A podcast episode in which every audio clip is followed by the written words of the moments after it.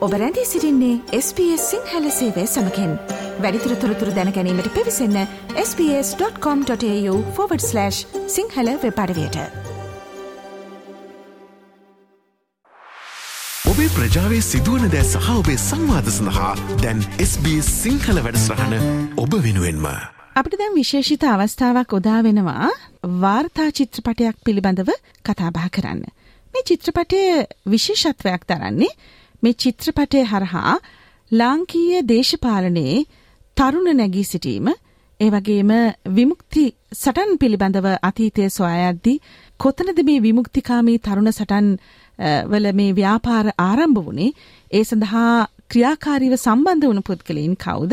එතකොට ජාතීන් විදිහට ගත්තොත් සිංහල ජාතිකයන් විදිහට දමිළ ජාතිකයන් විදිහට ඔවුනොවුන්ට අනන්‍ය වුණු විමුක්ති ව්‍යාපාර තිබුණ. මේ ව්‍යාපාරවලට ක්‍රියාකාරීව සම්බන්ධ වුණු පුද්ගලයන් කවුද කියන ඒ ඉතිහාසයත් දැනගන්නා ගමන්ම ලාංකීය දේශපාලන ඉතිහාසයේ වමේ දේශපාලනය සහ විමුක්තිකාමී සටන්වල දේශපාලන ඉතිහාසයේ ඒ පරිච්ඡේදයත් අපිට සොයායාමේ හැකියාවක් තියෙනවා. මේක විශේෂිත වූ වාර්තාමය චිත්‍රපටයක්. මේක නම් කරලා තියෙන්නේ ද්වන්ද කියන නමින්. මේකට මේ ඇතුළත් වෙනවා වමේ දේශපාලනය කරපු විශේෂිත චරිතයක් සහ ලංකාවේ අපි දන්නවා ජාතීන් අතර යුද්ධයක් පවතුන මේ යුද්ධයට මූල බීජය අපිට හොයාගෙන යද්දි අපිට 50 දශකයට යන්න වෙනවා ලංකාවේ. 50 දශකයේ සිටම ඒ ජාතීන්ට සිදු වුණු අසාධාරණකම් හමුවේ නැගී සිටපු තරුණ ශිෂ්‍ය කණ්ඩායම් තිබුණා. ඒ ශිෂ්‍ය කණ්ඩායම් වල හිටි ප්‍රධාන චරිතයක්. මේ ද්වන්ද කියන චිත්‍රපටයට ඇතුළත් වෙනවා. අනිකුත් ප්‍රධාන චරිතය තමයි ලංකාවේ ජනතා විමුක්ති පෙරමුණ ඔබ හොඳින්ම දන්නවා. අපි බොහෝ විට කතා බහ කරන්නේ මේ 71 කැරැල්ලෙන් ආරම්භ වුණු මේ තරුණ වමේ ව්‍යාපාර පිළිබඳව. හැබැයි ජනතා විමුක්ති පෙරමුණේ අපි ඉතිහාසය සොයාගෙන ගියොත් මේ තරුණ නැගී සිටීමත් අපිට 50 දශකයේ පටන්ම හොයාගන්න පුළුවන්. මේ විශේෂිත චරිත දෙකක් මූලික කරගෙන මේ ද්වන්ද කියන චිත්‍රපටය අධ්‍යක්ෂණය කරන්නේ ආචාර්ය උදාන් ප්‍රනාන්දු. ඔහු සමාජ විද්‍යාව පිළිබඳ පර්යේෂකෙක් ඒ වගේම සිනමා අධ්‍යක්ෂවරයෙක් මේ ද්වන්ද කියන චිත්‍රපටයට කලින් හිටන්ම ඔහු චිත්‍රපට කිහිපයක්ම අධ්‍යක්ෂණය කළා තියෙනවා වාර්තා චිත්‍රපට. ඉතින් මෙවර අපි ආචාර්ය උදාන්ට ආරාධනා කළා SBS සිංහල අපගේ මැදිරියට මේ ද්වන්ද කියන සිනමා පටය පිළිබඳව කතා බහ කරන්න. ඒ වගේම මම අර කලින් කිව්වනේ ජනතා විමුක්ති පෙරමුණ සහ දමිළ තරුණ නැගී සිටීම හරහා වන චරිත දෙකක් ඇතුළත් වෙනවා කියලා. ජනතා විමුක්ති පෙරමුණේ ක්‍රියාකාරී සමාජිකයෙක් විදිහට කටයුතු කරපු ලානෙල් බෝපගේ මහතා ඔබ හොඳින්ම දන්නවා විශේෂයෙන්ම අපේ මෙල්බන් ප්‍රජාව හොඳින්ම දන්නා පුද්ගලයෙක්. ඔහු සමාජ ක්‍රියාකාරිකයෙක් විදිහට බොහෝ අපේ ශ්‍රී ලාංකික ප්‍රජාව සමග සම්බන්ධව කටයුතු කරපු පුද්ගලයෙක්. දැන් නම් විවේක සුවයෙන් විශ්‍රාම සුවයෙන් සිටින්නේ.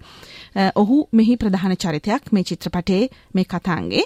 අනිකුත් ප්‍රධාන චරිතය තමයි ඊරෝස් කියන මේ දමිල මේ කණ්ඩායමේ ප්‍රධාන ක්‍රියාකාරිකයෙකු වයසටපු කුහනේන්ද්‍රණ කියන මේ ක්‍රියාකාරිකයා. ඊරෝස් කියන සංවිධානය ඔබ දන්නවා මේ LTT සංවිධානයේ නැගී සිටීමට පෙර සිටම දමිල මේ ඊලම් කියන මේ ව්‍යාපාරය මූලික කරගෙන නැගී සිටිනු තරුණ ශිෂ්‍ය ව්‍යාපාරයක් Eelam Revolutionary Organization of Students කියලා තමයි මේ ඊරෝස් කියන සංවිධානයේ දීර්ඝතම නාමය විදිහට අපිට හඳුන්වන්න පුළුවන්. ඉතින් ලයනල් බෝපගේ සහ කුහනේන්ද්‍රන් කියන මේ චරිත දෙක මූලික කරගත්ත මේ ද්වන්ද කියන සිනමා පටය කුමක්ද? මෙතනින් ප්‍රේක්ෂකයාට ආචාර්ය උදාන් ප්‍රනාන්දු ලබා දෙන්නට උත්සාහ කරන්නේ කුමක්ද? අපි කතා බහ කරමු. ලයනල් බෝපගේ මහතා සහ ආචාර්ය උදාන් ප්‍රනාන්දු දෙදෙනාම අපි දැන් සම්බන්ධ කරගෙන සිටින මේ කතා බහට දෙදෙනාටම ආයිබෝවන්. අයිබෝන්. අයිබෝන්. ආචාර්ය උදාන් ප්‍රනාන්දුට මම මුලින්ම යමු වෙනවා. උදාන් දැන් ඇත්තටම ඔබගේ මූලික අරමුණේ උනේ මොකක්ද? මේ වගේ මේ දේශපාලනය මූලික කරගත්ත ශ්‍රී ලාංකීය දේශපාලනයේ අතීත මං සලකුණු හොයද්දි මේ තරුණ නැගී සිටීම පිළිබඳව කතා බහ කරද්දී ආරම්භක අවධියේ පටන්ම වෙනස් දේශපාලන තන්ත්‍ර දෙකක ගමන් කරපු චරිත දෙකක් මූලික කරගෙන ඇයි මෙවැනි චිත්‍රපටයක් නිපදවන්නට ඔබගේ මූලික අභිලාෂය දැන් මේ ගැන අපි දැන් මේ තරුණ නැගිටීම් දෙකක් ජනවර්ග දෙකක් නියෝජනය කරන සහ ප්‍රාදේශීය වශයෙන් ගත්තත් උතුරු සහ දකුණ කියලා අපි සලකනවා. මේ ගැන ගොඩක් කතා කරලා තියෙනවා විශ්ලේෂණ කරලා තියෙනවා ආවර්ජනා කරලා තියෙනවා. නමුත් මං එතනදි බැලුවේ මොකද්ද අපිට අලුතින් මේ ගැන කතා කරන්න පුළුවන් දෙයක් කියලා සහ සිනමාත්මකව මගේ මාධ්‍ය සිනමාව හැටියට ගත්තේ වාර්තා චිත්‍රපට. එතනදි මං උත්සාහ කරේ මේක අර සාර්ව එහෙම නැත්නම් මැක්‍රෝ කියන මේ කෝණය ඒ ලෙන්ස් එක ගන්න නැතුව චරිත දෙකක් ඔස්සේ මේක සාකච්ඡා කරන්න.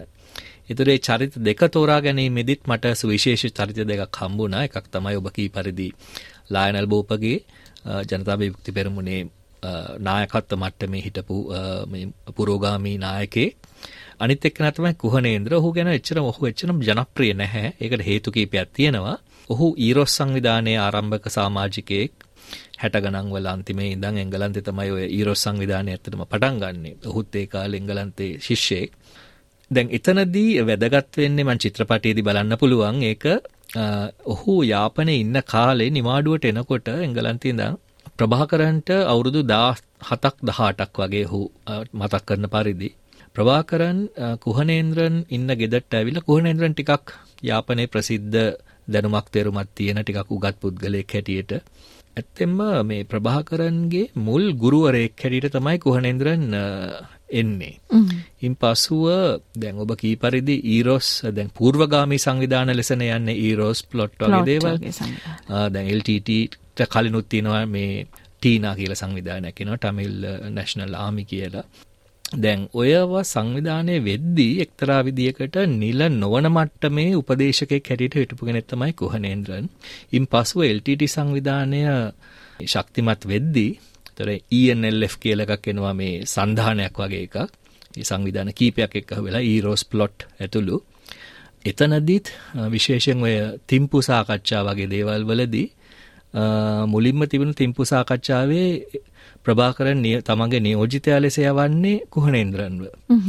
කුහනේන්ද්‍රන් එංගලන්තේ පුරවැසියෙක් ලෙස ඉන්න නිසා සහ වූ එකල දැරූ තනතුරු අනුව ඔහු එච්චර ප්‍රසිද්ධියට ලක්වෙන්න දෙන්නේ නැහැ.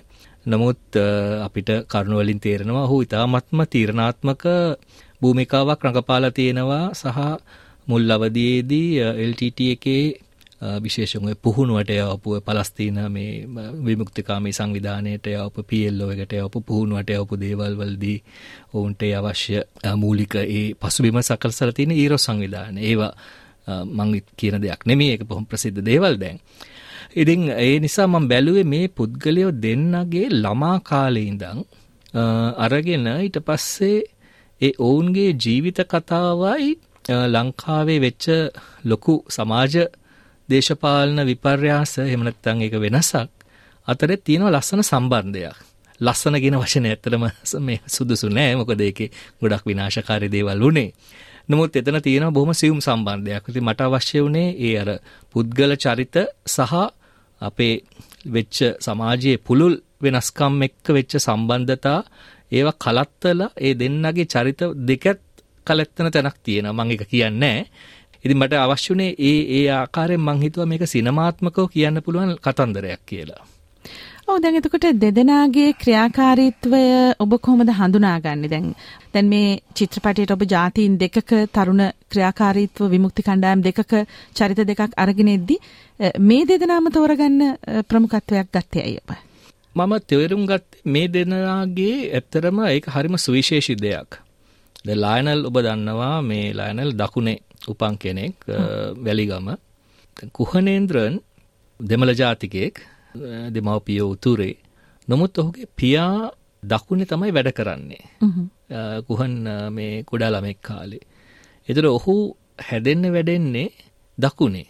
ඔහු ඉගෙන ගන්නේ සිංහල සහ පාලි. ඔහු යන්නේ රාහුල විද්‍යාලයට. ඊට පස්සේ ඔහුගේ ජීවිතය කොහොමද වෙනස් වෙන්නේ? ඔහු උතුරට තල්ලු වෙන්නේ කොහොමද? ඊට පස්සේ ඔහු කොහොමද සන්නද්ධ ව්‍යාපාරවලට තල්ලු වෙන්නේ කියන එක එක පැත්තකින් අපි සමාන්තරව ගලා යනවා ඒ කතාව. ඔහුගේ අත්දැකීම සහ ලයනල් වැලිගමෙන් ඇවිල්ලා ඊට පස්සේ රාහුල රිච්මන්ඩ් ඉස්කෝල දෙකටම යනවා. පනස් ගණන් වල වෙන පනස් හය පනස් සට ඒවගේ යම් යම් සන්ධිස්ථාන ඔස්සේ ඔහුගේ ජීවිතය කොහොමද වෙනස් වෙන්නේ සහ ඔහු පෙරාදෙනී විශ්වවිද්‍යාලට යනවා කොහොනුත් පෙරාදෙනී විශ්වවිද්‍යාලට යනවා ඉන් පස්සේ මේ මෙවුන් කොහොමද දේශපාලනය මේ ඔවුන් අර සන්නද්ධ දේශපාලනය වැළඳගන්නේ? ඇයි? ඒකට බලපාන හේතු මොනවද?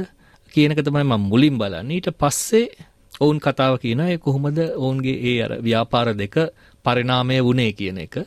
සහ අවසන් වශයෙන් ඔවුන් යම් ආවර්ජනයක් කරනවා. මොකද්ද දැන් අපි ඔවුන් දෙදෙනාම එතකොට චිත්‍රපටය අපි 2019 රූගත කළේ.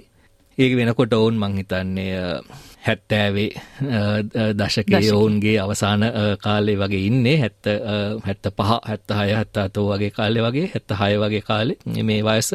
ඉදි ඒ වගේ ටිකක් පරිනත අත්දැකීම් එක්ක ඔවුන් කොහොමද ඔවුන්ගේම ක්‍රියාකාරිත්වය ආපසු හැරී බලන්නේ ආවර්ජනය කරන්නේ කියන එක තමයි චිත්‍රපටය කෙරෙන්නේ හොඳයි දැන් මේ ඔබ තෝරාගත්ත ප්‍රධාන චරිත දෙකෙන් එක් චරිතයක් මා මුලින් සඳහන් කරපු පරිදි අපිත් එක්ක දැන් සම්බන්ධ වෙලා සිටිනවා ලායනල් බෝපගේ මහතා. බෝපගේ මහතා ඇත්තටම දැන් මේ දැන් මේ සිදු කරපු කතාව අතරතුරේදී දැනුණු දෙයක් තමයි මේ අධ්‍යක්ෂවරයා ආචාර්ය උදාන් ප්‍රනාන්දු හඳුනාගෙන තියෙනවා ඔබ සහ කුහණේන්ද්‍රන් අතර තියෙන සමානකම්. දැන් ඔබව මේ සිනමා පටයට තෝරා ගැනීම හරහා ඔබට පුද්ගලානුබද්ධව ඔබට දැනුණ හැඟීම් මොකක්ද මුලින්ම මම ඒ ගැන දැනගන්න කැමතියි. මම හිතන්නේ මේ එකක් ඒ කියන්නේ දැන් මම හිතන්නේ මම ගැන දැනගන්න මම ගැන දෙනා දන්නවා ජනතා විශ්වවිද්‍යාලයේ හිටපු ප්‍රධාන ලේකම් කෙනෙක් නායකයෙක් එහෙම කියලා. නමුත් ඇයි මම දේශපාලනට සම්බන්ධ වෙන්නේ කොහොමද සම්බන්ධ වුනේ ඇයි මම ගත්ත තීරණ ඒ විදිහට ගත්තේ කියන එක පිළිබඳව මම හිතන්නේ බොහෝ දෙනාට පැහැදිලි හැඟීමක් නැහැ. ඒ වගේම තමයි මම හිතන්නේ කුහන් සම්බන්ධයෙන් මම කුහන් කුහනේන්ද්‍රන් තමයි කුහන් කියලා කියන්නේ අපි කෙටි නාමයෙන් කුහන් ගැනත් ඒ විදිහ හැඟීමක් තමයි මට හිතෙන්නේ තියෙන්නේ. දැන් මගේ දේශපාලන ජීවිතය ආරම්භ වෙන්නේ බොහොම 1950 ගණන් වල ඒ කියන්නේ ඒ කාලේ තිබිච්ච අත්දැකීම්. මට මතකයි මම මේ මේ මම දන්නේ මේක කොයිතරම් දුරට අදාළද නැද්ද කියලා මගේ පළමු දේශපාලන මතකය. එන්නේ එක්සත් ජාතික පක්ෂයේ ආණ්ඩුව තියෙන කාලේ වැලිගම ආසනයේට මොන්ටෙක් ජයවික්‍රම මහත්මයා තරඟ කරා. එයා තමයි ජයග්‍රහණය කර බොහෝ වෙලාවට. ඒ අවස්ථාවේ අපේ තාත්තා ඇවිල්ලා කොමියුනිස්ට් පක්ෂයේ සමාජිකයෙක් ඒ කාලේ. ඒ අපේ ගෙදර ඉස්සරහා දාපු තරුව සහිත පොඩි කාලේ ලාංඡනීය කොමියුනිස්ට් පක්ෂයේ තරුව. ඒක ඒක ගලවන්න කියලා ඇවිල්ලා පිස්තෝලේ පෙනලා තාත්තට තර්ජනය කරලා ඒ සිද්ධිය තමයි මගේ ඔළුවේ පළමු දේශපාලන මතකය. තාත්තා ඒක කළේ නැහැ ගැලුවේ නැහැ තාත්තා ඒ තර්ජනයට මුහුණ දුන්නා. ඊට පස්සේ මම මං හිතන්නේ ඒ කාලේ මම බොහොම කියවන්න බොහොම ලැබි කොමියුනිස්ට් පක්ෂයේ සම්බන්ධ කොමියුනිස්ට් පක්ෂයේ විශේෂයෙන්ම හිටියා උඩ කැන්දවල සිට සටනංකර ස්වාමීන් වහන්සේ කියලා මධ්‍යම කාර්ය සභාවේ කොමියුනිස්ට් පක්ෂයේ. ඒ වගේම නාරාවිල ධම්මරතන ස්වාමීන් වහන්සේ කියලා කෙනෙක් හිටියා. එයා පස්සේ වෙනස් වුණා. මේ දෙන්නා ලියපු බොහෝ දේවල් මම කියුවේ දවස්වල මම දහම් පාසල් ගියාම හිතන්නේ මේ අභිධර්මයේ ඉගෙන ගන්නත් ඒ කාලේ මම බෞද්ධ ධර්මයේ පිළිබඳව බොහොම උනන්දුයි මම කියුවා මේ ඔය ස්වාමීන් වහන්සේලා ලියපු කරුණු මාක්ස්වාදය සහ බෞද්ධ ධර්මය සංසන්දනය කරලා ඒ වගේම නවලෝකය කියලා සංග්‍රහාවක් මේ උඩකන්දවල සිට සරණම් කර ස්වාමීන් වහන්සේ සංස්කරණය කළා. ඒකේ බොහෝ දේවල් කිව්වා. මම ඒ වගේම මව්බිම පත්‍රයේ කොමියුනිස්ට් පක්ෂයේ කාලේ නිල පුවත්පත සම සමාජය සම සමාජ පක්ෂයේ නිල පුවත්පත ඒවා කිව්වා. මේ විදිහට බොහොම කියවනකොට මට තේරුණා ඇයි දැන් මම ඉන්න ප්‍රදේශ වැලිගම සමහර ජන කොටස් ඇයි ඒ විදිහට දුක් විඳින්නේ? මම උදාහරණයක් හැටියට ගත්තොත් මගේ පවුලට කිස් මම බොහොම කිට්ටුවෙන් ආශ්‍රය කරපු පවුලක් හිටියා මේ දීවර පවුලක්. ඒ මිනිස්සු හැමදාම ගිහිල්ලා මේ මේ මේ මේ ඔරුවෙන් ගිහිල්ලා මාළු මරාගෙන ඇවිල්ලා මාළු විකුණලා මේ ජීවත් වෙන නමුත් ඒගොල්ලෝ හිටියේ පැල්පතක කුලියට මේ ඇයි එහෙම සමාජයේ එවැනි පරතරයක් තියෙන්නේ කියන ප්‍රශ්නේ. මගේ ඔළුවේ මේ මතුවෙච්ච ප්‍රශ්නයක්. ඉතින් ඒක ඊට වඩා පළල් විදියට පස්සේ කාලේ කියවනකොට ඒ පිළිබඳ හැඟීමක් ඇති වුණා. ඒ මොකද වෙන්නේ කියලා. ওই විදියට මම කියන්නේ මේක දීර්ඝ විස්තරයක් මම ඒ ගැන කතා කරන්නේ නැතුව 1960 ගණන් 70 ගණන් වෙනකොට ඇත්තටම ඒ කියන්නේ මේ මම පුජ්‍යලේඛයට ගත්තම කොමියුනිස්ට් පක්ෂයේ ශික්ෂ සංගමේ ඉඳලා ඊට පස්සේ ෂන්මුගදාසන කියන්නේ චීන චීනට හිතවත් කොමියුනිස්ට් පක්ෂයේ මේ ඒකට හිතවත් ඉඳලා ඊට පස්සේ ඒ සේරුන්ගෙම ස්වාධීන වෙනවා විශ්වවිද්‍යාලයට එනකොට. නමුත් ඒ කාලේ වෙනකොට ජාත්‍යන්තර වශයෙන් තිබුණේ ලොකු නරක තත්ත්වයක්. දැන් අද අපිට මුණ අපිට අපිට පේන්න තියෙන යුක්‍රේනයේ සිද්ධ වෙන විනාශය, පලස්තීනයේ සිදු වෙන විනාශය. ඒ කාලේ ගත්තොත් මට මතක අන්දමට ආසියාවේ, අප්‍රිකාවේ, ලතින් ඇමරිකාවේ ඇමරිකාව විසින් මෙහෙवला විවෘතව සහ ආවෘත ලෙස කරපු මේ පිහිටුවපු හමුදා ආඥාදායකත්ව වගේ ආඥාදායකත්වයන් තිබුණා 51ක් රටවල් 51 මේ ඒගොල්ලෝ විවෘත ලෙස සමහර තැන්වල මේ මේ මැදිහත් වෙලා ආණ්ඩු වෙනස් කළා. දැන් ලංකාවේ ඒ කාලේ තිබෙන එක්සත් ජාතික පක්ෂයේ ආණ්ඩුවක් ඒකේ මම හිතන්නේ මේ මේ මේ දඩිසේන නායක මහත්මයාගේ නායකත්වයෙන් තිබිච්ච ආණ්ඩුවේ ජයජයවර්ධන මහත්මයා තමයි මුදල් ඇමතිවරයා හිටියේ. ජය මේ මේ මේ ජයජයවර්ධන මහත්මයා යෝජනා කරා ඒ දවස්වල ප්‍රසිද්ධියේ කිව්වා ලංකාවේ මැතිවරණ සිටියම අවුරුදු 20කට අකුලන්න ඕන කියලා. ඒවා අපේ මම එතකොට දේශපාලන වශයෙන් ක්‍රියාකාරී. මගේ මට බොහොම බොහොම සංවේදී. මම හිතන්නේ බොහෝ දෙනෙක් තරුණයෝ ඒ කාලේ දේශපාලනය ගැන උනන්දුවක් දක්වපු මේ පිළිබඳව බොහොම සංවේදී වුණා. ඒ කියන්නේ මේක සම්බන්ධ කරන්න මොකද ජයාජාවතන් මහත්මයා ඇමරිකාවට බොහොම පක්ෂපාත කෙනෙක්. බොහොම යන්කි ඩිකී කියලා හැඳින්වුවේ. එතකොට ඒ කාලේ ඇමරිකාව ජාත්‍යන්තරව ගෙනීපු ක්‍රියාමාර්ගයක් මේ ජයාජාවතන මහත්මයා මේ කරපු ප්‍රකාශයක් ඒ වගේම ආසියාවේ අපිට ආසන්නයෙන් තිබිච්ච ඉන්දුනීසියාවේ 1900 මට මතක විදිහට 65 වෙන්න ඕනේ. කරපු සමූල ඝාතනය සංහාරය 8 ලක්ෂයක් දෙනා මැරුවා කොමියුනිස්ට් පක්ෂයට සම්බන්ධ. එක්කරේ ඇමරිකාව මැදිහත් වෙලා. මේක අපි හිතුවා දැන් ලංකාවෙත් මේ තත්ත්වය ඇති වෙයි කියලා. ඒ උඩ තමයි ඒ කියන්නේ අපි ඇත්තටම මුලින්ම ජනතා විමුක්ති පෙරමුණ නෙවෙයි ඒ කාලේ අපි හින්දින්නේ ව්‍යාපාරය කියලා. ඒ ව්‍යාපාරය කියන එක සන්නද්ධ වෙන පටන් ගන්න අන්නේ පදනම උඩ ඉතින් මේක මම හිතන්නේ බොහෝ දෙනාට තේරුම් ගන්න බොහොම අමාරු දෙයක්. මොකද ඒ අත්දැකීම් බොහෝ දෙනාට නැහැ. ඉතින් ඒක ඒක පිළිබඳව මම හිතන්නේ මම බොහොම සාවධානව බලනවා. දැන් ඒ තත්ත්වය වෙනස් වෙනවා 1970 මැයි මාසේ මම හිතන්නේ මැතිවරණයක් තිබ්බා. ඒකෙන් සමගි පෙරමුණ ජයග්‍රහණය කළා. සමගි ප්‍රමණ කියලා මම හඳුන්වන්නේ ශ්‍රී ලංකා නිදහස් පක්ෂයේ නායකත්වයෙන් සම සමාජ පක්ෂය සහ කොමියුනිස්ට් පක්ෂය ඇති කරපු සභාග ආණ්ඩුවක්. ඒ සභාග ආණ්ඩුව මේ ඉදිරිපත් කරපු මැතිවරණ ප්‍රකාශනයේ අපි සෑහෙන මේ මැතිවරණ ප්‍රකාශනයත් එක්ක එකඟ වුණා. ඒ කියන්නේ අපි ඒ කාලේ හිටපු දේශපාලන දර්ශනය අනුව. ඒක නිසා අපි ඒ මැති ඒ මැතිවරණයේදී සමගි පෙරමුණට අපි ප්‍රසිද්ධිය වැඩ කළා. ඒක මේ අපි මැතිවරණ රැස්වීම කළා අපි තාරක දේවල් කරා පත්‍රිකා එහෙම බෙදුවා. අපි ඒ විදිහට උදව් කරා. ඇත්තටම තුනෙන් දෙකක බලයක් ඇතුව සමගි පෙරමුණ ජයග්‍රහණය කළා. සමග ප්‍රමණ ජයග්‍රහණය කිරීමත් එක්ක මම හිතන්නේ අර අපි කලින් හිතපු තර්ජනය අහෝසි වෙලා ගියා. ඒ කියන්නේ අපේ අපේ හිතේ මේක දැන් මේක ඉවරයි කියලා. නමුත් අපිට අවසනාවකට වගේ දැන් ඒ කාලේ මම හිතන රෝහණ සෝදරය අත්අඩංගුවට ගත්තා. අත්අඩංගුවට අරගෙන ඊට පස්සේ සමගි ප්‍රමණයට නිදහස් කළා. මේ මේ ලොකු කතාවක් මේ කියන්නේ. නිදහස් කරපු නිදහස් කරාට පස්සේ අපි අපේ රැසීම මොකද ඒ කාලේ මට මතකයි 60 ගණන් වල ඇත්තපත්තරේ ප්‍රධාන ප්‍රවෘත්තිය හැටියට පළ කරලා තිබුණා ලංකාවේ තරුණ ව්‍යාපාරය බිලිගන්න CIA කුමන්ත්‍රණයක් කියලා. ඒ ඒක මේ කොමියුනිස්ට් පක්ෂයෙන් කරේ මොකද කොමියුනිස්ට් පක්ෂය සම සමාජ පක්ෂයක් ගත්තම අපි මේ පක්ෂවල ඉඳලා ආපු අය. රෝහණ සහෝදර කොමියුනිස්ට් පක්ෂයෙන් මම කොමියුනිස්ට් පක්ෂයෙන් දැන් උදාහරණයකට හිට මැද කොළඹ හිටපු සීලවතී සහෝදරි ගත්තම සමසමාජ පක්ෂයේ කාන්තා මේකේ සභාපති හැටියට හිටපු කෙනා. ඒ අපි සේරම එතන ඉඳලා ආපු අය. නමුත් අවුරුදු දෙක තුනක් වැඩ කරලා ලංකාවේ ප්‍රධාන වාමාංශික බලවේගය හැටියට තුන්වෙනි බලවේගය හැටියට ඉස්සරහට ආපු එක ගැන කොමියුනිස්ට් පක්ෂයේ නායකත්වයත් සම සමාජ පක්ෂයේ නායකත්වයත් අපිත් එක්ක අමනාපෙන් හිටියා. ඒක අපේ වැරද්දක් නෙවෙයි. ඒගොල්ලෝ අපිට ඊට පස්සේ මඩ ගහන්න ගත්තා. CIA කාර්යෝ මේ මේ තරුණ මේ කරනවා මුලාවට යනවා අර එහෙම කියලා. දැන් ඕක එහෙම වෙන අතරේ 70 අපි අපේ පළවෙනි රැස්වීම තිබ්බා 70 හයිඩ් පාක් මට අගෝස්තු වල අගෝස්තු වගේ මට මතක. ඒ රැස්වීමේ අපි කරන දවසේ සමසමාජ පක්ෂ කොමියුනිස්ට් පක්ෂ සහ ශ්‍රී ලංකා නිදහස් පක්ෂයේ ලේකම්වරු අත්සන් කරලා නිවේදන නිකුත් කරලා තිබුණා.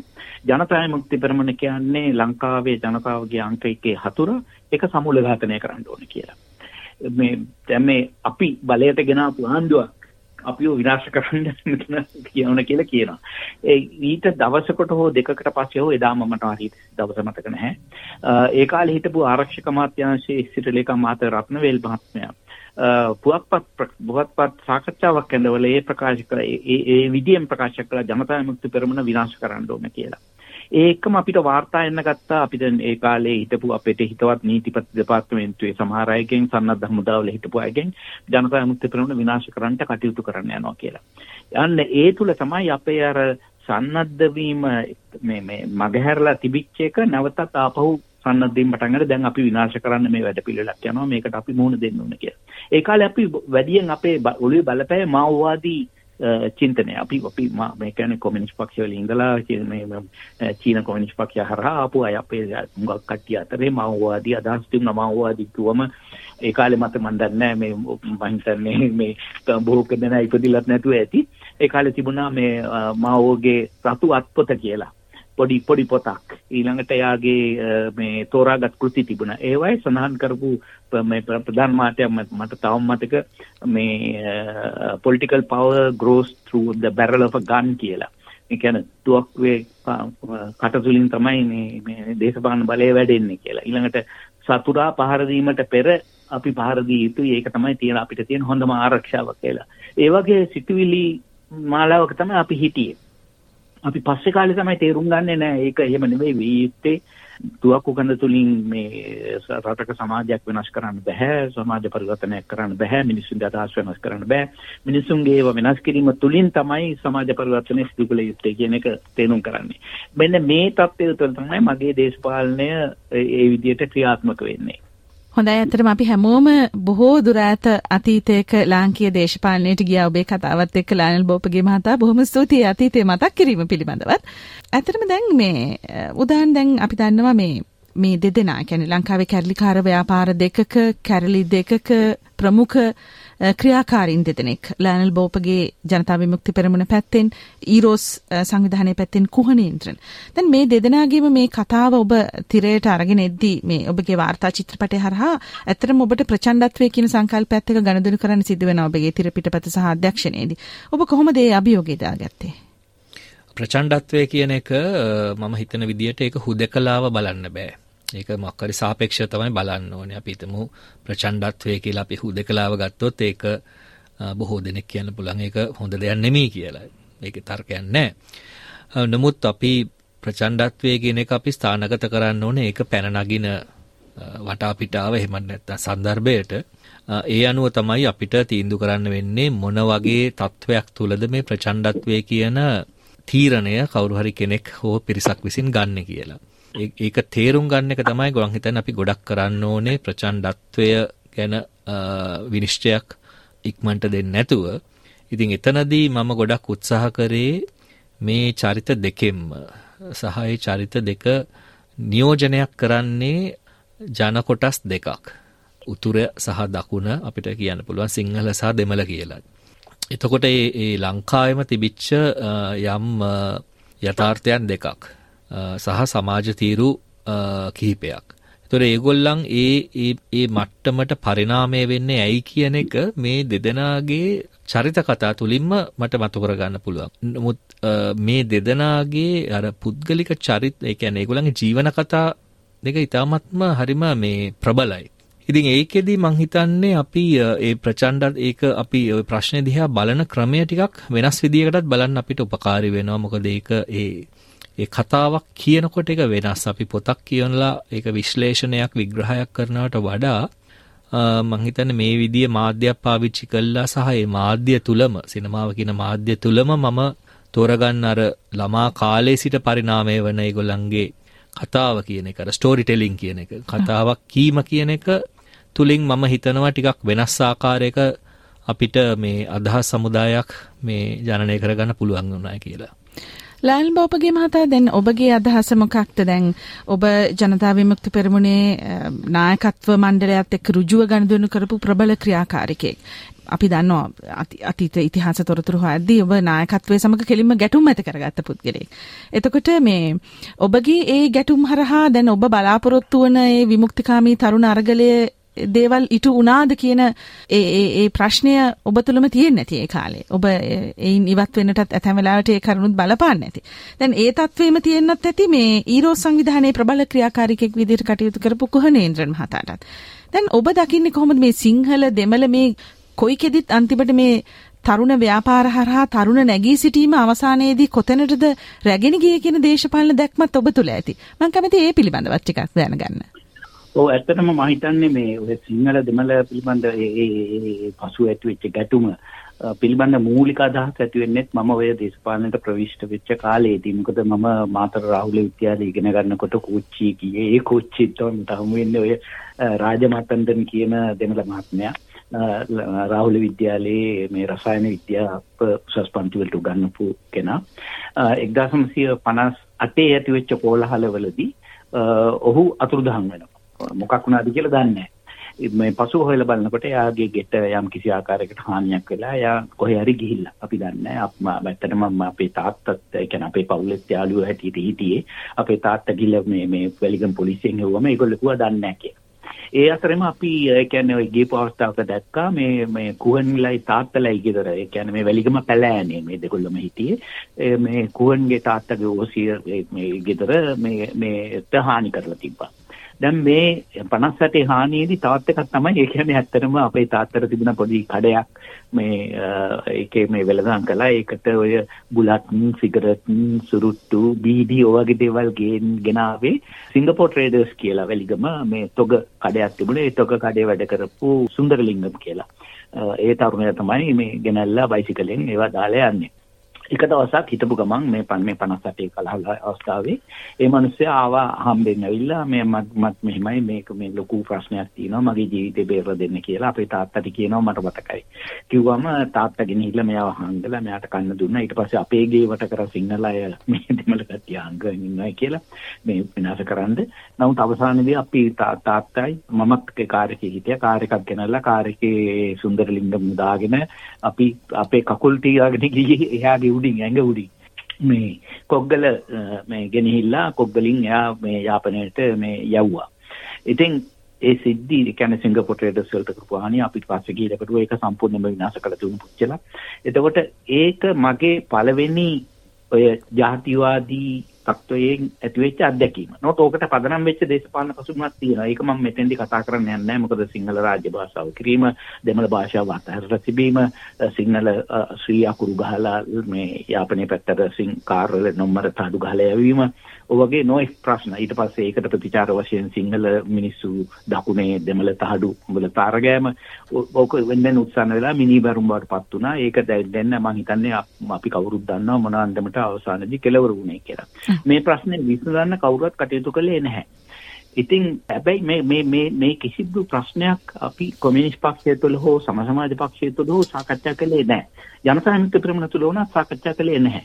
මට පළවෙනි වරට මේ දෙමළ ජනතාව මුහුණ දෙන ප්‍රශ්නය පිළිබඳව අවබෝධයක් ඇති වෙන්නේ මම මගේ මේ ඉංජිනේරු පාඨමාලාවේ අවසාන විභාගෙට මම හිටියේ නැහැ විශ්වවිද්‍යාලෙන්දී මොකද පක්ෂ වැඩ කරන්න ආපු නිසා. නමුත් පස්සේ ඒ කියන්නේ මම හිරගෙදර 71 වැලිකඩ බන්ධනාගාරයේ මැගසින් බන්ධනාගාරයේ ඉන්නකොට මම හිතුවා මේ විභාගය අවසන් කරන්න ඕනේ කියලා. ඒක මේ මේ අවසාන විභාගෙට වාඩි වෙන්න මාව ගෙනිච්ච බෝගම්බර හිරගෙදරට. බෝගම්බර හිරගෙදර මේ විභාගය පවත්වන අතරතුරේ මට අවස්ථාව හම්බුණා මොරටු විශ්වවිද්‍යාලයේ මේ ඉගෙන ගනිපු ඉංජිනේරු ශිෂ්‍යවරේ මේ දෙමළ අය මේගොල්ලෝ විශාල ප්‍රමාණයක් ගෙනල්ලා මාස මට මතක විදියට මාස 7ක් හෝ 9ක් බෞගම්බර බන්ධනාගාරයේ රඳවා තබාගෙන ඉන්නවා. ඒගොල්ලෝ ගෙනලා තිබුණේ 1972 ආණ්ඩුක්‍රම ව්‍යවස්ථාවට විරුද්ධව කළු කොඩිය සෙව්වයි කියලා. නමුත් ඒගොල්ලන්ට කිසිම චෝදනාවක් නැතුව ඒගොල්ලෝ දිගින් දිගටම මම මම ඒගොල්ලොත් එක්ක සාකච්ඡා කරාම තමයි ඒගොල්ලෝ දැනගත්තේ මම මට දැනගන්න දුන්නේ මේ මේ මිනිස්සුන්ටත් අසාධාරණයක් වෙලා තියෙනවා අපිට වගේම. නමුත් වෙනස් ආකාරයි අසාධාරණයක්. ඉතින් ඒ උඩ තමයි ඇත්තටම ජනතා විමුක්ති පෙරමුණේ ප්‍රතිපත්ති ප්‍රකාශනයේ මම හිතන්නේ දෙවෙනි වගන්තිය අපි සකස් කරේ සකස් කරලා මේ රෝණ සෞදරත් එක්ක සාකච්ඡා කළා අපි දෙන්නම් මේක සින්බන්ධනාගාරයේ තමයි ප්‍රතිපත්ති ප්‍රකාශනයේ මූලික වක්කීම් අරගෙන අපි කතා සාකච්ඡා හරි ගැස්සුවේ. ඒක 1978 මුද්‍රණ ద్వාරයෙන් පිට වෙනවා අපි නිදහස් කළාට පස්සේ. මේ ඒ තත්ත්වය වෙනස් වෙනවා 1983 83 මොකද 1983 වෙනකන් අපි පක්ෂ ඉදිරිපත් කරපු ප්‍රතිපත්තිය උඩ අපි දිගින් දිගටම වැඩ කටයුතු කළා. නමුත් 83 දී මේ මේ මේ ප්‍රතිපත්තිය වෙනස් කරා රෝණ සහෝදරයත් ගමනායක සහෝදරයත් ඇතුළු කණ්ඩායමේ අවශ්‍යතාවය උඩ ඒ වෙනස් කිරීමට මම සම්පූර්ණයෙන්ම විරුද්ධ වුණා. විරුද්ධ ඒක හේතු ගණනාවක් තිබුණා. එකක් තමයි සංවිධානාත්මක වශයෙන් ඒක කරපු මේ යෝජනා කරපු ක්‍රමය වැරදි. මොකද අපේ වැනි සංවිධානවල ප්‍රතිපත්ති තීරණය ගන්නේ මධ්‍යම කාර්ය සභාව හෝ පක්ෂ සම්මේලනයකින්. නමුත් මේ තීරණය අරගත්තේ පක්ෂ සම්මේලනයකටවත් පක්ෂ මධ්‍යම කාර්ය සභාවජවත් නෙවෙයි දේශපාලන මණ්ඩලයේ හිටපු ගමන් මේක තීරණය කරනවා මේක වෙනම හරියන්නේ මේක වෙනස් කරන්න ඕන කියලා. ඉතින් ඒ උඩ මම ඒ අවස්ථාවක කිව්වා මම පක්ෂයේ සියලු වගකීම් වලින් සමාජිකත්වය ඇතුළු සියලු වගකීම් වලින් ඉවත් වෙනවා කියලා. ඒ උඩ පක්ෂයේ දේශපාලන සාකච්ඡාවක් කැඳෙව්වා මධ්‍යම කාර්ය සභාවේ. තංගල්ලේ විතරණ වීර සහෝදරලා ගෙදර තමයි සාකච්ඡාව තිබේ. ඒ සාකච්ඡාවේදී මම මේ අපි එදා හිටපු ස්ථාවරය ආරක්ෂා කරමින් කතා කළා රෝහණ සහෝදරයා ගමනාය සහෝදරයා විරුද්ධව කතා කළා.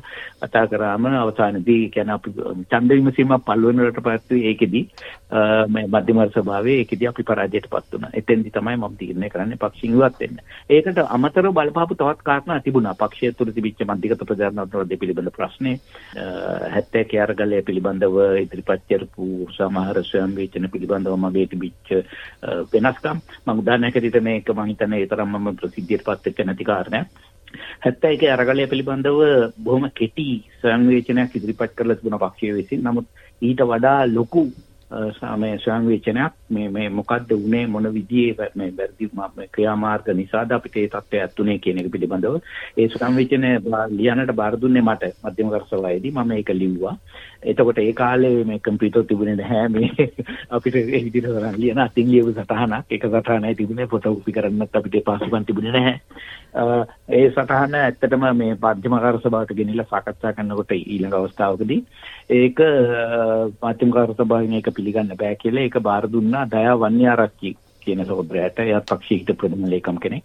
ඌට බාර දුන්නා. ඊට පස්සේ ඒක ඒක පිළිබඳ ඒක හරි ගස්සලා නැවත ගේන්න කියලා. නමුත් ඊට පස්සේ මධ්‍යම වර්ග සභා සචිවාරයේදී කිව්වා ඒ ලියවිල්ල නැති වුණා කියලා.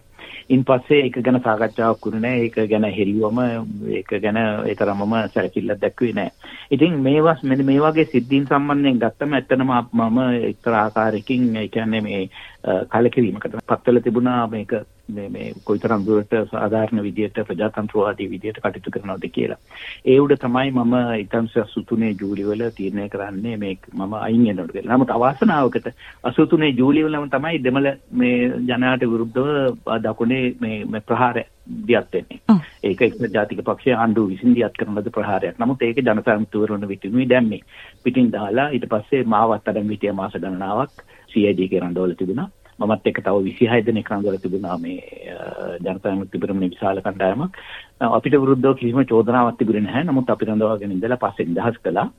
ඒ කාලේ මට මම මම ජනතා විමුක්ති පෙරමුණෙන් අස් වෙන්න තීරණය කරලා තිබුණාට මම ජනතා විමුක්ති පෙරමුණ ආරක්ෂා කරමින් කටයුතු කළා. මොකද වැරද්දක් කළා තිබුණේ අපි දෙමළ මිනිස්සුන්ට විරුද්ධව අපි මේ කරලා කිව්වේ අපි එහෙම දෙයක් කරපු නැති නිසා ඒක ආරක්ෂා කිරීම සඳහා මම කටයුතු කළා. ඊට පස්සේ හිරගෙදරින් මේ මේ CID කෙන් එළියට ආවේ මම හිතන්නේ ජනවාරි මාසයේ 84 එළියට ආවට පස්සේ පක්ෂයේ මේ තිබිච්ච සංවිධාන සාකච්ඡාවලදී පක්ෂ යෝජනා කළා මට ප්‍රධාන ලේකම්ිටේ දිගටම කටයුතු කරන්න කියලා. මම මේක ප්‍රතික්ෂේප කළා ප්‍රතික්ෂේප කළා මම අසුණා. මම ඊට ඉස්සරලා ඇත්තටම මේ කියන රෝහණ සහෝදරයා විශේෂ ඉල්ලීමක් කළා තිබුණා මගෙන් පක්ෂයේ තහනම ඉවත් කර ගැනීම සඳහා මේ ජනාධිපතිවරයාත් එක්ක සාකච්ඡා කරන්න කියලා. මම මේ සාකච්ඡාව කළා. ජයජයවර්ධන මහත්මයාත් එක්ක ජයජයවර්ධන මහත්මයා කිව්වා රෝහණ රෝහණ කියලා නෙවෙයි ඒ කාලේ එයා කියන්නේ රෝහන් කියලා. රෝහන් ඇවිල්ලා මේ කටුත් උත්තර දීලා මේ ගියොත් අපිට ඒක සලකා බලන්න පුළුවන් කියලා මම මේ පණිවිඩය යවුවා. නමුත් පක්ෂයේ කිසිම කෙනෙක් ඒකට එකඟුනේ නැහැ. එහෙම කටයුතු කළා මම අවසානයේ තීරණය කරා වෙනත් තවත් නොයෙක් සිද්ධීන් තියෙනවා මේ විස්තර කරන්න වෙලාවක් නෙවෙයි. අවසානයේදී මම පක්ෂයට ඉල්ලා අස්වීමේ ලියවිල්ලක් ලියලා මෙන්න මේ මේ හේතු නිසා තමයි මම ආස් වෙන්නේ කියලා මම අසුණා. ඒක වෙන්නේ 1987 පෙබරවාරි වල. ඔව් දැන් ඇත්තටම අපි මේ දීර්ඝ වාසාගෙන හිටියා ලයනල් බෝපගේ මහතාගේ ඒ තරුණ ක්‍රියාකාරීත්වය සහ ඔහු සම්බන්ධ වුණු ඔහුම නියෝජනය කරමින් හිටපු ඒ කණ්ඩායම කෙරෙහි ඔහු තුළ ඇතිවුණු කලකිරීම සහ ඔහුගේ ඉවත් වීම පිළිබඳව. අපිත් එක්ක දැන් කුහණේන්ද්‍රන් මහතා නැහැ. ඊරෝස් සංවිධානයේ බිහිවීම සහ එතනදී ඔහු ප්‍රබල ක්‍රියාකාරිකයෙකු ඉඳලා පසුව ඔහු තුලත් මෙවැනි වූ ආකල්ප ඇතිවීමට බලපාපු මේ දෙමළ ජාතීන්ගේ පැත්තෙන් ඇතිවුණු තත්ත්වය පිළිබඳව. දැන් අධ්‍යක්ෂවරයා විදිහට ඔබ මේ පිළිබඳව පර්යේෂණ කරගෙන යද්දී ඔබට මේ පිළිබඳව කරුණු හමු වෙන්නේ නැති. ඒ ගැනත් අපි ටිකක් කෙටියෙන් හො දැනගන්න කැමතියි. ඔව් මං හිතන්නේ මේ මේ මේ චරිත දෙකේම අර සමාන්තර විදියට ඔවුන් ක්‍රියාත්මක වෙනවා. ඊට පස්සේ ඔවුන්ගේ ප්‍රධාන ධාරාවෙන් ගන්නා ප්‍රතිපත්ති එහෙම නැත්නම් තීරණ වලට ටිකක් වෙනස් මතවලට ඔවුන් එනවා. සහ ඒ කියන්නේ ඔවුන් ඇත්තටම මේ සංවිධානයම කරන දේ නැවත වරක් පරීක්ෂාවට ලක් කරනවා එහෙම නැත්නම් අභියෝගයට ලක් කරනවා. ඒක කරන්නේ ඇත්තටම පිට සිට නෙමෙයි ඇතුළේ සිටමයි. දැන් මේ කාරණේම සිද්ධ වෙනවා කුහන් ගෙනුත් එක්තරා විදියකට ඒක ඒකත් අරගලයක්. Taman විසින් ඒ පොදුවේ මේ ගොඩනගාගත්ත සංවිධානයක ව්‍යාපාරයක විවේචනයක් කිරීම කියන එක එච්චරම ලේසි නෑ. සහ දැන් මේ දෙන්නගෙම එන එකක් තමයි මේ වගේ ව්‍යාපාරවල ඒ විවේචනය කරන්න තියෙන අවකාශය එහෙම නැත්නම් ඒ විවේචනය කරන්න තියෙන සම්ප්‍රදාය හෝ එහෙම සංස්කෘතියක් නැහැ. කියන්නේ නායකත්වය කියන දේ ගෙඩි පිටින්ම පිළිගැනීමේ සම්ප්‍රදායක්. එහෙම දෙයක් තියෙනවා. දැන් ඇත්තටම දැන් මොවුන් දෙදෙනාත් හිටියේ නායකත්වයේ. මොවුන් දෙදෙනා මේ ගෝලයෝ හැටියට හිටපු නෙමෙයි දැන්. ලයනලුත් කුහනුත් ඉන්නේ නායකත්වයේ ඉහළ ඉහළම තැනක. දැන් ඒ වගේ තැනක ඉඳලත් ඔවුන්ට ඒ සංවාදය කරන්න බැරි වටාපිටාවක් එහෙම නැත්නම් අවකාශයක් තියෙනවායි කියන එක ඇත්තටම ඒක ටිකක් ගැටලු සහගතයි කියන එක ඔවුන්ටමත් තේරෙනවා සහ අපිටත් ඒක තේරෙනවා. ඒතොර ඒක ඇත්තටම මේ අපි හිතනවා මේක අන්තිමටම ලඝු වෙනවා එක පුද්ගලයෙක්ට කියන එක. එතකොට ඒක සාධාරණී කරන්න පුළුවන්ද කියන එක තමයි අපිට ප්‍රශ්න කරන්න වෙන්නේ. ඉතින් එවුන් දෙදෙනා අතරම ඒ කුහන්ගෙත් ඒ වික්ෂිප්තභාවය එහෙම නැත්නම් අර ඩිසලූෂන්මන්ට් කියන එකක් වගේ එනවා. මේක අපි කළ යුතුද කළා එහෙම කියන එක නැවත වරක් ඒ ප්‍රශ්න කිරීම කියන එක. නමුත් එතනදී ඔහු අතරත් යම් විදියකට මේ දැන් ලයනල් වගේ ඉල්ලාස්වීමක් දීලා එහෙම විතැන්වීමක් නෙමී වෙන්නේ. නමුත් යම් විදිහකට ඈත්වීමක් සිද්ධ වෙනවා. දැන් මේ ව්‍යාපාර දෙකේම තියෙන දේ තමයි තමන් අතර ඉඳලා ඈත්තුන අයව සලකන ආකාරයක් තියෙනවා. දැන් උන්ට ඊ타මත්ම මේ බොහොම ඉක්මනින් දෙන විනිශ්චයක් තමයි ඔවුන් ද්‍රෝහීන් කියලා. දැන් සමහරවිට ජනතා විමුක්ති පෙරමුණ තාම වුණත් ඔවුන් කියන්නේ ඔවුන්ගෙන් ගිය කෙනෙක්ව අඳුනන්නෙත් නැහැ කියනවා. ඉතින් ඒක ඇත්තටම මේ තාමත්ම විහිළුවක්. මේ එහෙම කෙනෙක් අපි හිටියා කියලාවත් දන්නේ නැහැ. උන් ඇත්තටම අර අපි කියන ඩිනයි කරනවා. එහෙම කෙනෙක් හිටියා කියන එකත්. මං හිතන්නේ ඒක මං එච්චර පරිණත මේ දේශපාලනයේ අංගයක් කියලා මං හිතන්නේ. දැන් මම දකින්නේ ඒ විමුක්තිකාමී ව්‍යාපාරයක හෝ වෙනත් ව්‍යාපාරයක අර සටන් කරද්දී යම් සාමූහික බැඳීමක් කියන එක වැදගත්. එතනදී ඒ සාමූහික බැඳීම සහ අර විශ්වාසය කියන එක ලොයල්ටි කියන එක ඉතාමත්ම වැදගත්. මට ඒක තේරෙනවා. නමුත් දැන් මගේ තියෙන ප්‍රශ්නේ තමයි මේ මේ චරිත දෙකෙන්ම මම මතු කරගන්න බලන්නේ දැන් අර විසම්මුතිය කියන එක වෙනස් අදහසක් දරන්න සහ ඒ වෙනම් වෙනස් අදහසක් සාකච්ඡාවට ගන්න තියෙන අවකාශය මොකක්ද කියන එක මේ වගේ ව්‍යාපාරවල. දැන් ඒක තමයි ඇත්තරම දැන් මේ චරිත දෙකේ ඒ ව්‍යාපාරයත් සමග ඈත් වෙන්න හේතු වුණු ව්‍යූහමය හේතුව ස්ට්‍රක්චරල් රීසන් එක ඒකයි. ඇත්තටම ඔවුන්ගේ යම් වෙනස් විසම්මුතියක් තිබුණා. ඔවුන්ගේ වෙන අදහසක් වෙන අර්ථ නිරූපණයක් තිබුණා. ඒක ඔවුන් ඉදිරිපත් කළා සාකච්ඡාව පිණිස. දැන් ඒක පිටට ගිහිල්ලා විවේචනයක් නෙමෙයි කරේ. ඇත්තට මේක අභ්‍යන්තරයේ සාකච්ඡාවට ගත යුතුයි කියන එක ඒක න්‍යාය පත්‍රයට දාලා ඒක සාකච්ඡා කළ යුතුයි කියන එකේ තමයි හිටියේ. නමුත් ඒක එහෙම ලොකු සාකච්ඡාවකට නොගෙහිනින්ලා ඒක මේ අංක සෙල්ලමක් වගේ අර මේ ඡන්දයක්කට වගේ ලඝු වෙනවයි කියන එක ඇත්තරම ඒක ගැන ඉතින් අපිට දෙවරක් හිතා බලන්න ඕනේ ඒකද හරි ක්‍රමය කියලා. නමුත් මට තියෙන අර ප්‍රධාන දේ තමයි විසම්මුතිය කියන එකට මේ වගේ ව්‍යාපාරවල ඉඩක් තියනවාද? එහෙම ඉඩක් නැත්තේ ඇයි කියලා.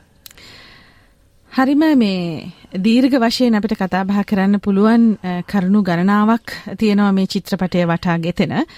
විශේෂයෙන්ම දැන් මේ ප්‍රධාන චරිත දෙක ඉන්නේ රටවල් දෙකක. එකම ගමේ එකම පාසලට ගිය චරිත දෙක. ඊට පස්සේ තරුණ සංවිධාන දෙකකට සම්බන්ධ වෙනවා. ඊට පස්සේ ඒවයින් ඉවත් වෙනවා. ඊට පස්සේ දැන් විදේශගතව රටවල් දෙකක ඉන්නේ බ්‍රිතාන්‍යයේ සහ ඕස්ට්‍රේලියාවේ. කොහොම හරි මේ මේ දෙදෙනාගේ ජීවිත කතාව කුහනේන්ද්‍රන් සහ ලානල් බෝපගේ කියන මේ චරිත දෙක වටා ගෙතුණු මේ දේශපාලනික පසුබිම හොයාගෙන ගිහිල්ලා සිනමා පටයකට නගන්න ඔබ බොහෝ පර්යේෂණ කරන්න ඇති.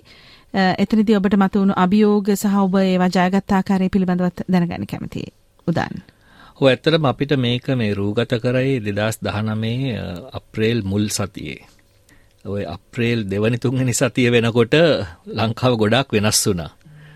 විශේෂයෙන් ඔය security කියන එක ආරක්ෂාව කියන එක ගොඩක් වෙනස් වුණා. ඔය බෝම්බ පිපිරීමත් සමග. ඉතින් අපිට අර ප්‍රායෝගිකව මේ වගේ දෙයක් කරන්න පුළුවන් කම ලැබුණා අපේ වාසනාවකට අපේ නිෂ්පාදනයේ පැත්තෙන් සහ එවකට තිබුණු ආරක්ෂක ප්‍රතිපත්ති යටතේ උනත් ඔය අප්‍රේල් පළවෙනි සතියේදී අපිට මේ වගේ දෙයක් කරන්න පුළුවන් වුණා. ඉතින් ඒ නිසා සහ මොවුන් දෙදෙනාමත් එන්න කැමති වුණා ලංකාවට ඇවිල්ලා අපි ලංකාවේ තමයි මේ රූගත කිරීම කළේ. ඊට පස්සේ අපි ඒක මේ නිෂ්පාදනය ඉවර කරලා අපි පෙන්වන්න ගන්න කාලේ තමයි මේ ඔය කොවිඩ් වසංගතය පැතුරුනේ. ඉතින් ඒ නිසා අපිට අපි හිතපු විදිහේ ට අපිට ඒක තිරගත කිරීම කරන්න බැරි වුණා ලංකාවේ සහ පිටරට. ඉතින් අත්‍තරම මේ මේ මෙල්බර්න් නගරෙත් අපි 2019 දෙසැම්බර් වල පෙන්නවා.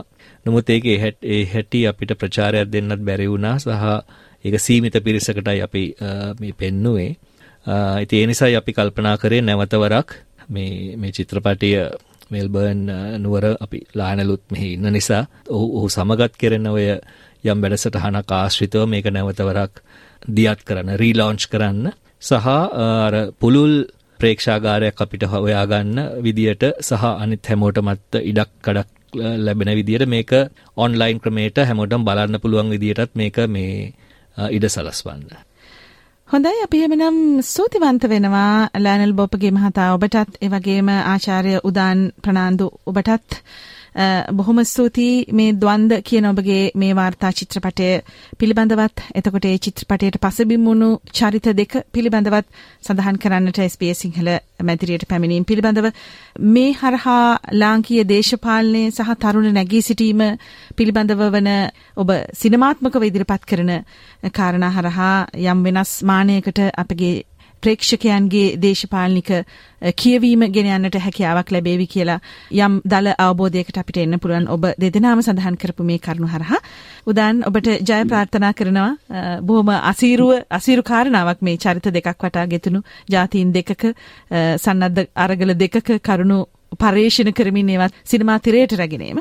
ඉතින් මේ කර්තව්‍ය සහ ඔබේ ඉදිරි නිර්මාණ කටයුතු පිළිබඳවත් අපි ඔබට ජය ප්‍රාර්ථනා කරමින් එහෙනම් මේ සාකච්ඡාවට සමදෙන්න. ඔබටත් ඔබටත් බොහොම ස්තුතිවන්ත වෙනවා මේ අපිට මේ අවස්ථාව ලබා දීම ගැන කරුණ දීපත් කරන්නට. බොහොම ස්තුතියි දිල්රක්ෂි. ඔබේ ප්‍රජාවේ සිදුවන දෑ සහ ඔබේ සංවාද සඳහා දැන් SBS සිංහල වැඩසටහන ඔබ වෙනුවෙන්ම.